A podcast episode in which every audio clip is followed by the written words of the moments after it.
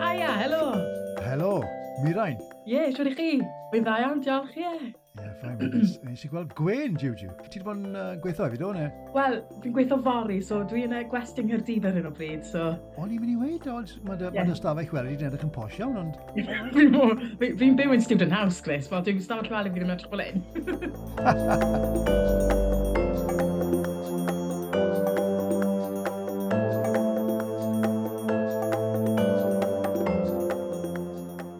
Helo, siwmai, croeso chi, croeso unwaith eto i cymeriadau Cymru a ni'n mynd i stafell weli mewn gwesti wrthnos hon.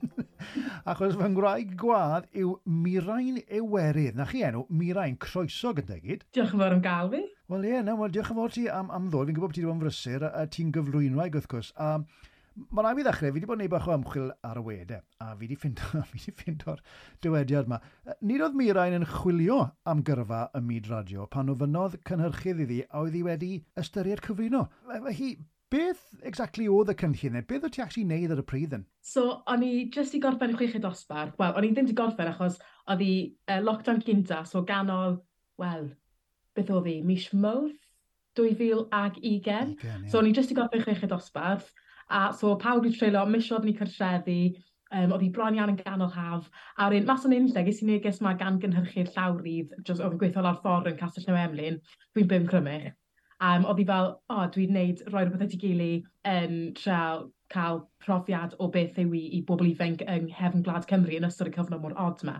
A na lle oedd hi wedi gweld fi, um, oedd yn papur y teifi seid, so nillais i tlws yr ifanc yn y um, yn gwyfod Aberteifi, so ysgrifennu i stori fer So, diolch i'r stori fer na, oh. bod fi'n uh, cyflwyno. Jiw, jiw, jiw, jiw. Uh, Gau ofyn gyda gyd, beth yw um, tarddiad dy enw di, achos Mira i'n amlwg o, yn Iwerydd? Le mae hwnna'n dod o ddyn? So, um, Iwerydd yw enw anti-fi fyd, so Rhiannon Iwerydd yw anti-fi. so mam gi sef mam anti-fi, sef mam dad fyd. Um, di, fi wedi gofyn i am hon, reid, achos mae gymaint o bobl yn gofyn fi, lle yw'r yeah, enw yeah. werth di dod o?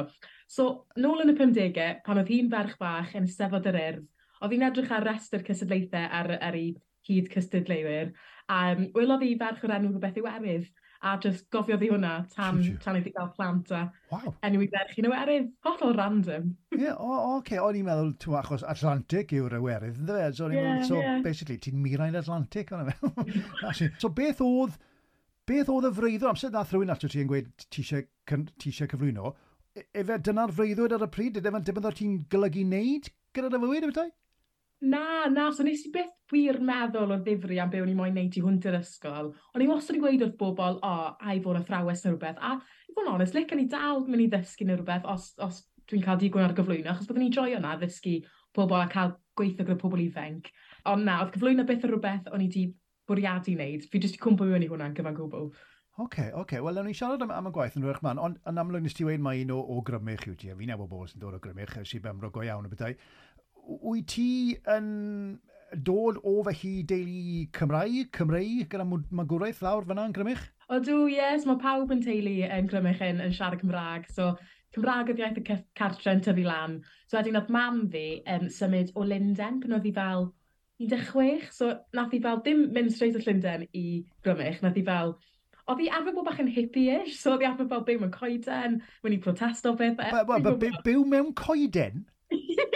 Ie, yeah, so dyna fath ei gwrfod hi a'n hadu, oh, oedd mewn protest um, ganol y 90au. Oh, wow. Um, yeah, a wedyn ofyn ni, mae'n ma hadio grymich, so wedyn ni nath y ddoen nhw symud um, i grymich i'r ardal, a mag tri o blant. Ie, ie, wel, mae ma Crymych yn amlwg yn, yn ardal Gymreigaidd iawn, wel, ti'n mo'n gogledd eisiau bemryd i gwneud teg, ond sy'n ni'n tybio, bod dwyieithrwydd yn rhan weddol bwysig falle o dy fywyd i falle, dim dy fywyd i, ond ach, fi di, eto fi di, fi di gweld y llinell ma ar Instagram, fi'n caru'r llinell ma, actually. Uh, cyflwynydd DJ, hafer of fun, sy'n probably gwisgo rhywbeth lliwgar. I love it, I love it. Diolch, wel, mae'n fel bod yn weddol anwchel i si ysgol ddwyieithog. Mae ma pob rhan o mywyd i yn ddwyieithog, fel mae mwyafrif ohono ni. A oedd y magwraeth i yn eitha dwyieithog, achos ddysgodd mam Cymraeg nôl ddiwedd y 90au. So mae'n rhugl yn y Gymraeg yn eillodd i dysgrog y flwyddyn yn y steddfod genedlaethol Sibenfro yn 2002. Jujur. So, um, y dwy eithrio jyst yn rhywbeth fi wedi just tyfu lan gyda. A ie, yeah, ond fy fel, byddwn ni byth yn, ar byddwn ni'n grawn yn Gymraeg a di tyfu lan yn, yn Dreithaeth Cymraeg. byddwn ni byth yn esgus gweud bod pob un agwedd o modi yn Gymraeg.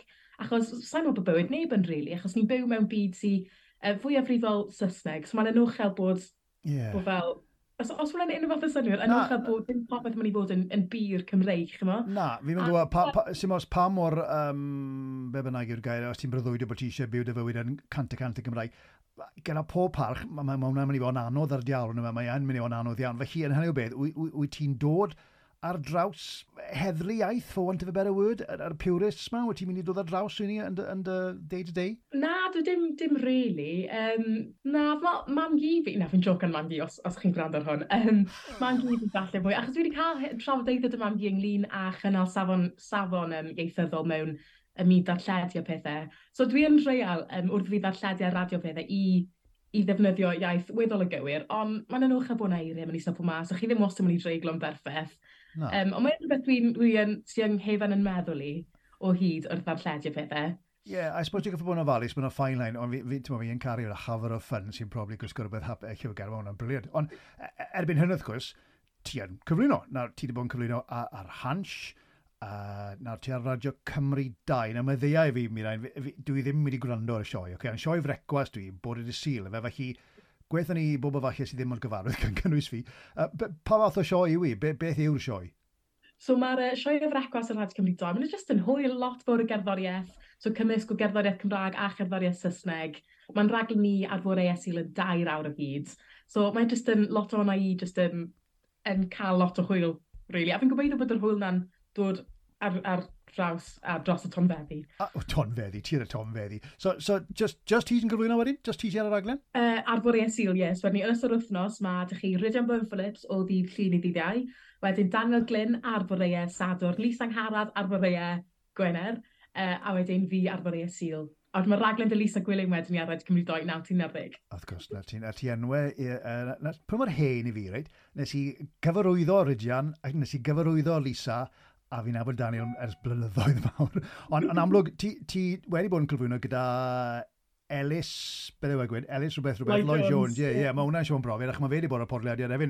Felly, ti, ti mewn, ti'n meddwl, stafell gwesti ar hyn o bryd, felly chi'n dod yn fyw o Gaerdydd, felly wedi teithio lawr o, o Grymych neu, neu wedi teithio o... Uh, teithio, lawr o um, Aberystwyth, dwi'n fyddyrraig yn y brifysgol na dal i fod, so...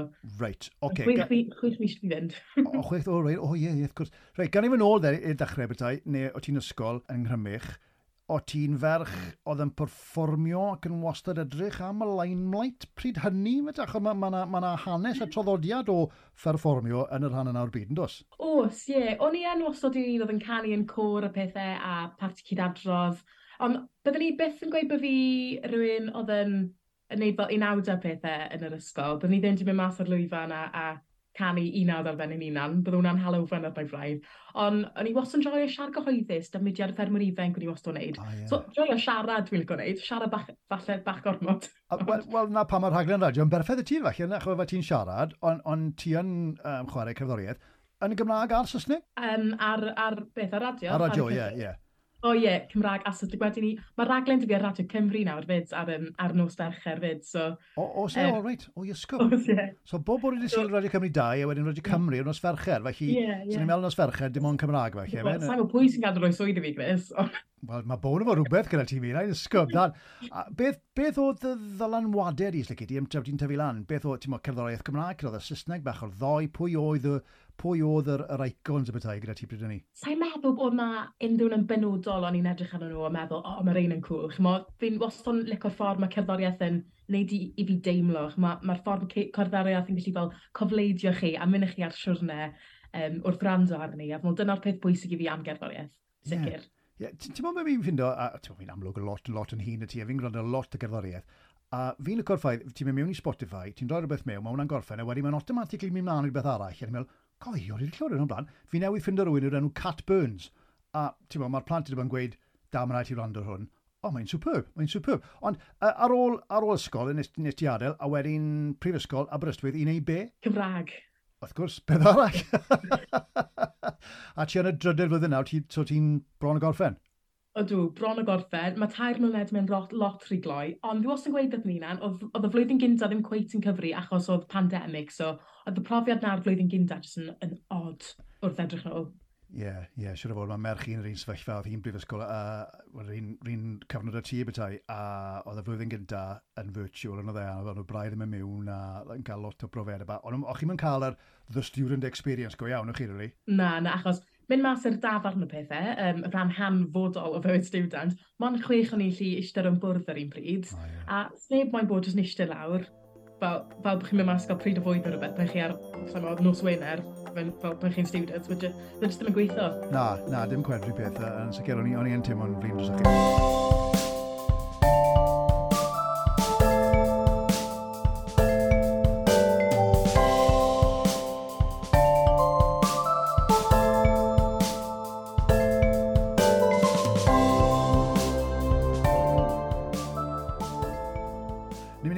na re, um, fi eisiau siarad fwy am yr ochr gerddorol beth eraill, ond fi'n mynd i roi uh, deg cwestiwn bach i ti nawr, y fath o quick-fire questions, oge? Okay? Mae'n gweud quick-fire, mae bobl yn gael amlan esbonio yn ymlaethio os nhw eisiau. Reit, so ni'n rhoi cloc mlaen nawr, felly Mirain Ewerydd, fi'n cofio mae'r enw nawr, mae'n superb. Um, rygbi neu pel-droed? O, dim un. Wel, na ti ddechrau ar dan, fe. Reit, oce. Okay.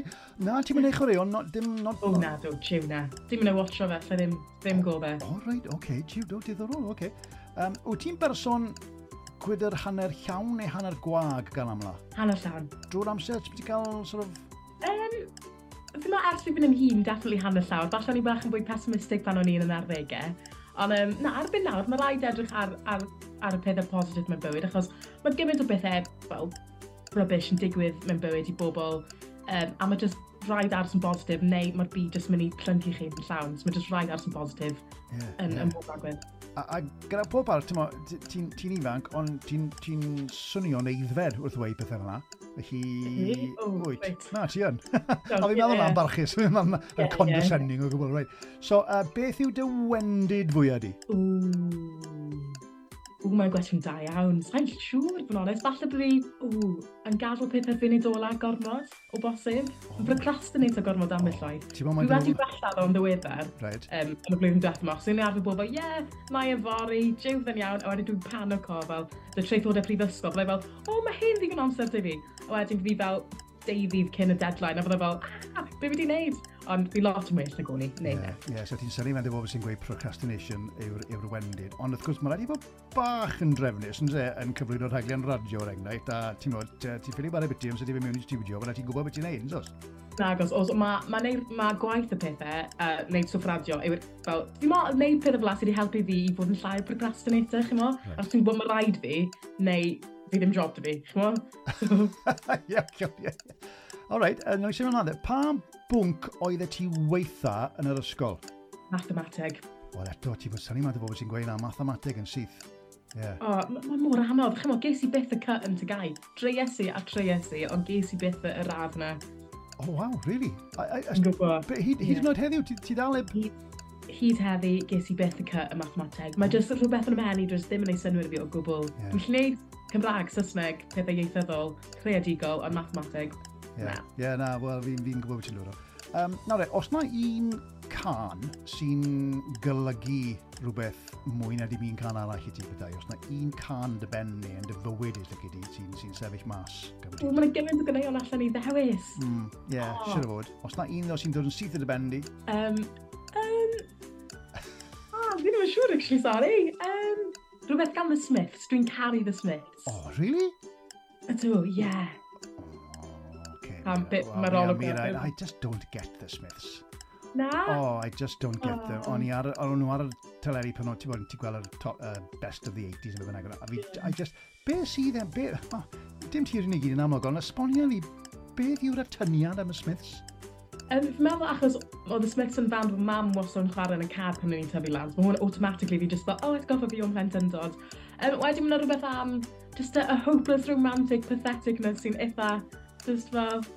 Just yeah, melancholy yeah. neis, ti just fel... Pan ti'n teimlo bach yn sori dros di nan, ti ti'n siarad smith mlaen, a just bod bach yn pathetic am... Yeah. Oh, yeah, yeah, okay. I, I fi'n fi sort of gweld e, ond fi'n teimlo bod fi just eisiau rhoi cic yn ei dînau. E. Yeah. Oh. oh, erbyn, erbyn heddi, yeah. Oh, get over it, the halen tomorrow. anyway, yeah. okay. Um, cwn neu cathod? Cathod, cari cathod. Mae cwn bach yn rhy needy. O leod y cath, chi'n lli bwyd o'r gath, rhoi bach o gariad i'r gath, a gadael iddi just stewardess thing am tyma bach. Okay. Ond y e, cwn mae just, oh, maen nhw'n hyfryd, dwi'n, no offence i cwn unrhyw gi yn unrhyw le sy'n gwrando. Right. Ond maen nhw'n just bach yn ormod am y llaeth cwn. Okay, okay. Pa, pa Mae hwnna'n dod o rywun sy'n eitha, Jack, Jack, pa, Jack, pa, na, pa poeni, mae ddim yn siarad amdano ti, na, mae ddim yn siarad amdano ti, Mae mae'n cysgu fyna, Right, uh, pwy oedd dy childhood crush cyntaf di? Ooh, sa'n meddwl beth i'n dafu, i fod yn onest. Na, fi'n gwybod. Really? Fi'n gwybod, mae pobl wastad yn gweud fel, fel cartoon characters neu rhywbeth, ond oedd beth fi'n da fi. Oce, okay. dim hyd yn oed yn, yn bywyd go iawn y bethau, bachgen bach yn ysgol. Na, na, na. absolutely byth, na. Wel, wel, wel. Oce, okay, oce. Hmm. Okay. Uh, pryd oedd y tretho nes ti grio, Llefen? Ww, ww, dim ers cwbl nos yna, achos fi fel arfer yn berson, dwi'n berson really emosiynol, so fi ar, ar, fel arfer yn fel Llefen, rhywun o'r wythnos. um, ond na, dim ers bal fach. Okay. Mwna'n golygu bod na llef, llefen mawr mynd i ddod rhywbryd cyn bod hir, siwr bod. O chi'n i dileu fe'n syth ro'n golff ar y podledion Fel yma, gyfdan. uh, glerydd oer neu glerydd poeth? Ww, glerydd poeth. Ie, yeah. oce. Mm. A dau bach arall, uh, os ti'n mynd i gerdded, uh, cerdded ar mynyddoedd neu cerdded ar draeth? Mynyddoedd. Ie, yeah, ti'n mynd ar traeth? Na, dwi'n rhaid. Merch o grymych, Wel, ie, yeah, oce, okay, digon ti. A, a hwyrach man, uh, Mirai, fi mynd i roi quiz bach i ti am grymich, so uh, look out. A cwestiwn, cwestiwn ola, a ma bach am sylwi, os da ni wedi amser, wyt ti rioed wedi dwgyd unrhyw beth? Wedi dwy'n unrhyw beth? Na, dwi'n na. Dim un o fel, mae pobl os ti'n gweud pan o'n fach, o'n fel pinsio fel y sweets o'r Woolworths o bethau. Ie. Yeah. Fi'n bach boring. Ti ddim wedi gwneud na i dynod? Na, fi'n gwybod, fi, fi angen i fi fyw bach mwy ar yr edge, ti'n mo? Wel, Wel, sa'n gweud i byd, ond na fe, no, no, na, diw'n beth drwg o gwybod bod ti ddim yn, uh, bod ti ddim wedi dwyn. Ei, ond mae'n falle, falle mewn y shops yn nes mlaen yn profi peth am y tro cynta. Ie, yeah, ie, beth ti'n ofalus. Pa ti'n gweud bod ti'n abo fi, mae'n gyffach. Rai, gan i symud ymlaen, ti'n mo, um, ar ochr cyflwyno yn amlwg, mae music, mae cerddoriaeth yn rhan yn ator y dy fywyd i yn amlwg o ran beth ti'n neud. A ti'n canu, perfformio dyddiau yma, ti'n mynd i gigs, wyt ti'n un sy'n canu ac yn neud bach o DJ o fi'n gweud hefyd, yn dwyt? Sa'n canu, ond DJ o, nes i DJ yn tafwyl a maes B Lenny, oedd hwnna'n brofiad really cool. Achos byddwn ni ddim yn ystyried yn hunan yn DJ, ond wedyn dyna'n union beth wneud y radio, achos i fi yn ymhenni mae DJ o fel yn creu beats o bethau, a fel yn, yn neud y holl bethau cool gyda fel tyma, turntables a stuff. Right. Ond i fi wneud yw gwasgu botynau a symud faders lan y lar. Right, okay. So ni'n mynd siarad am Ichi fydyn, ni'n ni, sort of, ti'n bod, ni'n ti just wneud be bynnag ti eisiau chwarae fe, ie? Yeah? Ie, yeah, ie. Just, um, yeah, dewis pa gynnau o'n i ware a, a chwarae nhw. Oce, okay. a ti'n gwybod ti ddim yn canu, ond mi'n mynd i gweld clip o ti'n canu rhywle. O, falle. Na? O, falle Facebook fi pan o'n i fel yn, yn bymtheg neu rhywbeth, siwr o fod, yn Steddfod YFC, cysadleuad can bop, o'n hwnna. o, gan i siarad am YFC, de, achos mae sawl person wedi bod ar y podlediad yma yn amlwg wedi cael uh, dylanwadau wedi cael cyfleoedd gyda, ni ddim wedi cael ysgol ar eidd falle, neu ti'n steddfod a capel a fath na beth, ond ffermwyr ifanc. Nawr, byddwn ni'n meddwl lawr yn Crymych, yn yr ardal na, oedd mudiad y ffermwyr ifanc yn bwysig, a ti siw wedi cael cyfleoedd amrysiadwy, yn dwyt? O, o ddech dy ffermwyr ifenc. So, Hermon oedd y Clwb o Gosau Crymych, a just profiadau dwi wedi cael y ffermwyr ifenc, just y profiad o o gymdeithasu dy pobl yn yr ardal tu hwnt i, i um, yr ystafell ddosbarth. Gewch chi ddim pobl sy'n cefnogi chi fel um, arweinwyr ffermwyr ifanc, achos hwn nhw gyd gyda buddiannau chi at braidd y mudiad, at graidd be maen nhw'n neud, achos dim rhaid yr arweinwyr fod na, but maen nhw'n rhoi o'i amser nhw er mwyn cyfoethogi eich profiadau chi fel person ifanc. Maen nhw'n rhoi o'i amser nhw i, i treino chi ar gyfer cysadlaethau ffermwyr ifanc am wythnosau. Maen nhw'n dreifo chi i gysadlaethau pethau, yeah. um, pobl angen lift y pethau, so maen nhw jyst yn bobl gwych. A, ac wrth wneud y pethau mae gyd wedyn, byddwn ni'n meddwl bod chi'n magu hyder ac yn dod yn fwy hyderus, nid yn unig ar y llwyfan, ond on mewn bywyd yn gyffredinol, sy'n ei meddwl e? O, cant cant. Um, byddwn ni ddim dy hanner y, y sgiliau cyfathrebu staf i heblaw bod fi wedi bod yn mynd i um, clwb ffermwyr ifanc ers, ers bod fi 12 mlynedd oed, chymod? Um, mae jyst cael... Mae'n ffordd... Mae'n ffordd... Mae'n mynd i fel y pethau fel rally day, fel... Mae'n beth arall sy'n na. Diwrnodau cystadlu ffermwyr ifanc. Mm. Mae'n nhw'n hmm. fforsio chi mewn i'r sefyllfa yma. A sy'n dewis dy chi, ond gyfathrebu dy bobl a bod yma achos o'ch comfort zone teip o bit. So, ie, yeah. yeah, mae'n bethau really gwych. Ie, yeah, a mae rallies a, a'r Royal Welsh a fath na beth a, a siarad cyhoeddus, mae pethau yma yn, yn, mynd i helpu'n amlwg rhywun sy'n eisiau gwneud e fel bywoliaeth yn, yn sachlu fel ti'n gobeithio wneud ar ôl gael coleg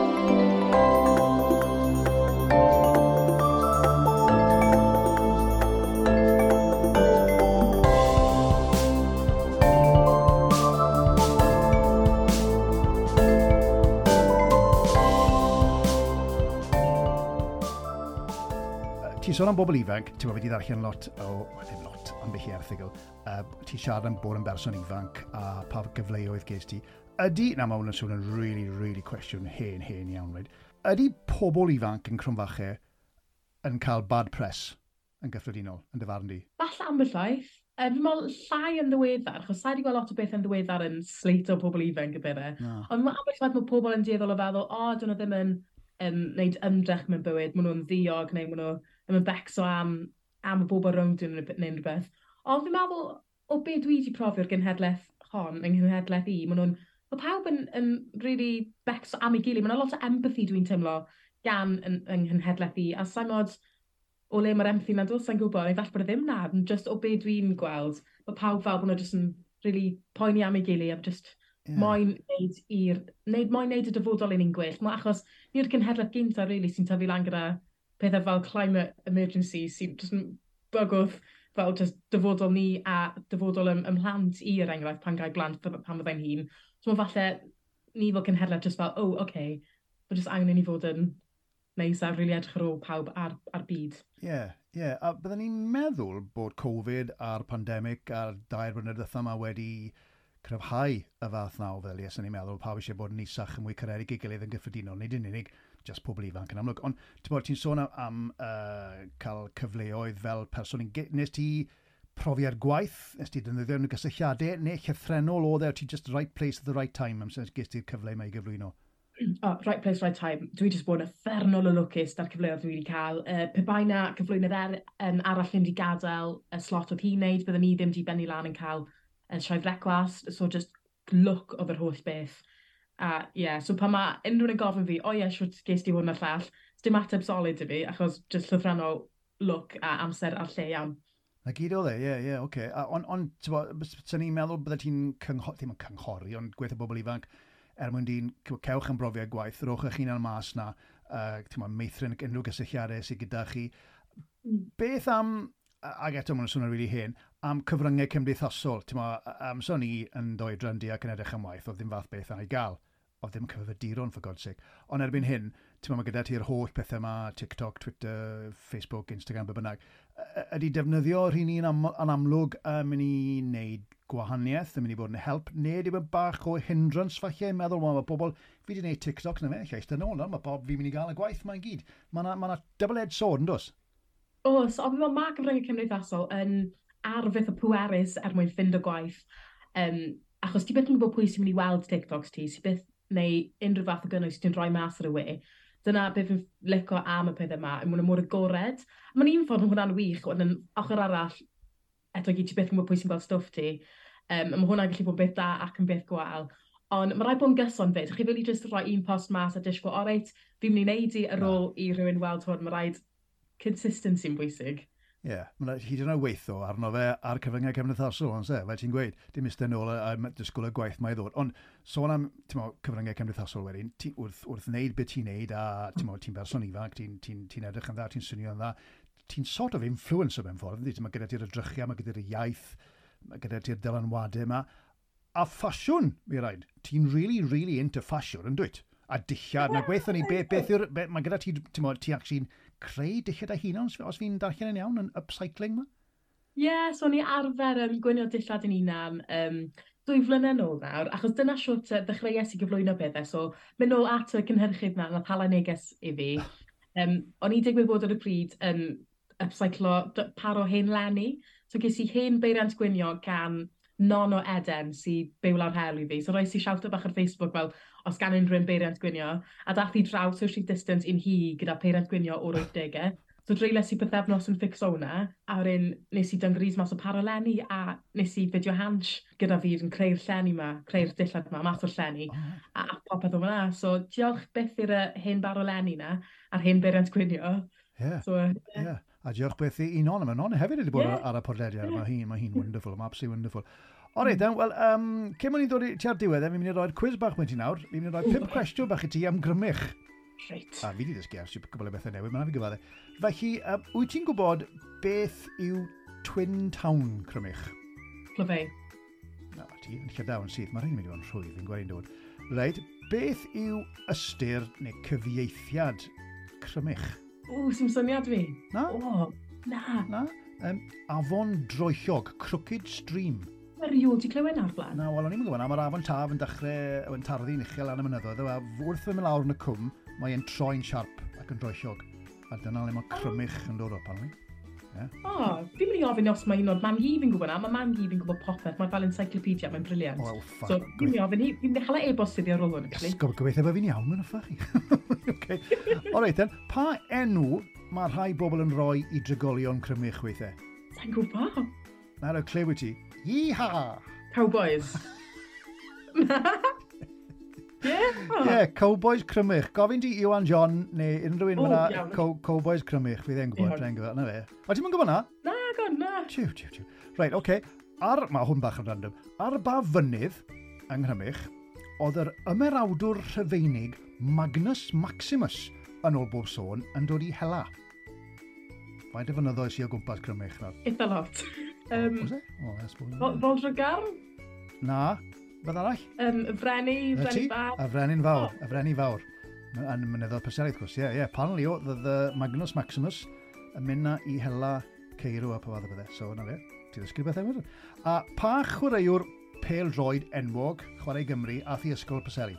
Joe Allen. Na, mae'n i'n meddwl ti'n gwybod hwnna. O, na fe, nes ti dda, hwnna, nes ti, uh, be, tair? neu dwy falle. Tair, dwy yn dair. Tair, Ond ie, cofio gofyn i'n gym y bethau gobeithio maen nhw'n iawn. Yeah. Right, so be sy'n ar y gweill nesaf then? Hynny yw, ti'n ti rysur yn amlwg, ti'n mynd i orffen prifysgol cyn bwy hir, a ti'n mynd i gario ymlaen, dyn ni'n meddwl ar Radio Cymru gyd i fwy o gyfleoedd, so ni'n meddwl, beth yw'r beth yw'r freuddr os dan gynlluniau, bydde ti'n hoffi neu, le ti'n hoffi gweld i hunan yn mynd? Um, Dim byd y fi fel di, di um, trefnu mas o'n ymhenni yn, yn bendant o ran beth dwi'n moyn neud. Dwi jyst moyn parhau fwynhau. Mae hwnna'n swnio bach yn, yn silio bach, bach, bach yn wet-wat o, o beth i weid. Ond um, na, achos chi beth yn gwybod fel pryd deith cyflwyr mae ben, eich mos o fi sy'n neud y mwyaf o, o peth yma nawr, achos falle sa'n mo, falle byddai ddim moyn neud y blwyddyn nesaf, neu falle bydd rhywun ddim moyn fi, neu sa'n gwybod. So fi ti'n neud y mwyaf o pethau yeah. heddi, achos beth yn gwybod beth fi rwy'n gornel, chi'n mo? Oce, okay, mae hwnna'n so, swnio eitha refreshing, bod ti'n ystyn ôl a gael, peth, mo, gael bethau ddigwydd. Ti'n mynd berson sy'n oedd yn mynd ati ac i'w chwilio bethau, achos da ni'n meddwl, bydde ti'n ar teledu, bydde ti, achos mae gyda ti'r ma gyda ti'r edrychio, mae fe'n gweud, mae gyda ti'r iaith, bydde ti'n lygo wneud fwy ar, ar, ar deledu? Yn falle, ie, yeah, os mae'r cyfleoedd yn dod atai, mwyn yn dod atai, os mae ddim, dyn nhw ddim, achos mae am y ffaith, fi'n berson sy'n just moyn neud yn dda, mae bynnag dwi'n neud, a os allai wneud yn dda yn byd cyfryngau, greit, wedyn fi'n meddwl byddwn ni'n neud athrawes eitha da byd, so byddwn ni'n, ie, yeah, unrhyw beth fi'n neud, fi jyst moyn neud e i gorau ngallu, dim ots os mae fe'r teli, radio, neu mewn ystafell dosbarth, neu yn neud unrhyw fath o waith, byddwn ni hapus. Yeah. O, oh, da iawn, mae hwnna'n hwnna, ma hwnna refreshing iawn i gweld. E. Reit, sy'n mae bobl yn gael yn y tu o ran uh, cyfryngau cymdeithasol falle, a sbonio ni beth yw'r sioia ar Radio Cymru 2 a Radio Cymru 5 yn ymlaen? okay, so Radio Cymru 2, um, fore syl 7 tan 10 o'r gloch, a wedyn Radio Cymru nos fercher 7 tan 9 gloch y nos, a ia, wedyn Instagram at fi yw Mirain Iwerydd un gair. A ie, mond Instagram fi rili'n really, defnyddio so. Na fe, a ge, bobl o weld ti efallai ar YouTube ar hans y fath na beth hefyd, ie? Paid yn ei hans ers es blynyddoedd, wel, dwy flyne, ond fi'n siŵr bod y hen fideos dal i bod lan os, os mae pobl moyn mynd. Ti wedi mynd i hen o'r falle ti hans, dwi'n ti? Dwi'n falle, ie. O, ei, diolch o galon ti. Uh, mae mor hyfryd gyfarfod ti go iawn. Wel, dim go iawn yna dros y cyfeiriadau yn amlwg. Cyn fi'n gael ti fynd, a phob lwc gyda llaw gyda popeth, fi'n fi meddwl, fi meddwl mae yna bethau ar y gwell i ti, sicr, e, e, ti'n disgwyl yn y beidio, achos ti'n rili, really, rili dda, cyma hwnna o hen foi sydd wedi bod rhwng fel fi. Ond cyn fi'n gael ti fynd, fi'n mynd i roi ti ar yr ynys yma, yr ynys golledig yma, am rhyw bythefnos tarthnos. Dim plugs ar yr ynys yma, iawn, sim trydan, ond beth yw'r un peth, dim person, un peth, i ti mynnu mynd gyda ti neu bywyd bach yn haws? Uh, wind-up radio. Wind-up radio, yeah. ah, ie. Yeah. Mae'n rhaid gael, wrth gwrs, ie. Yeah. Fydde ti'n ymdopi ar yr ynwys ma'n benni hunan? Dwi'n meddwl bydden ni, ie. Yeah. Eitha joio gwmni'n hunan. Joio cwmni pobl, ond ie, yeah, dwi'n bydden ni'n iawn dy radio'n gwmni. Um, a jyst meddyliau'n hunan a jyst gallu ymlacio. Yeah. yeah. A, a creu dillad mas o, o dail a co coconut leaves. Ie, yeah. yeah. ffind unrhyw beth wneud eich yma, so ie. Yeah.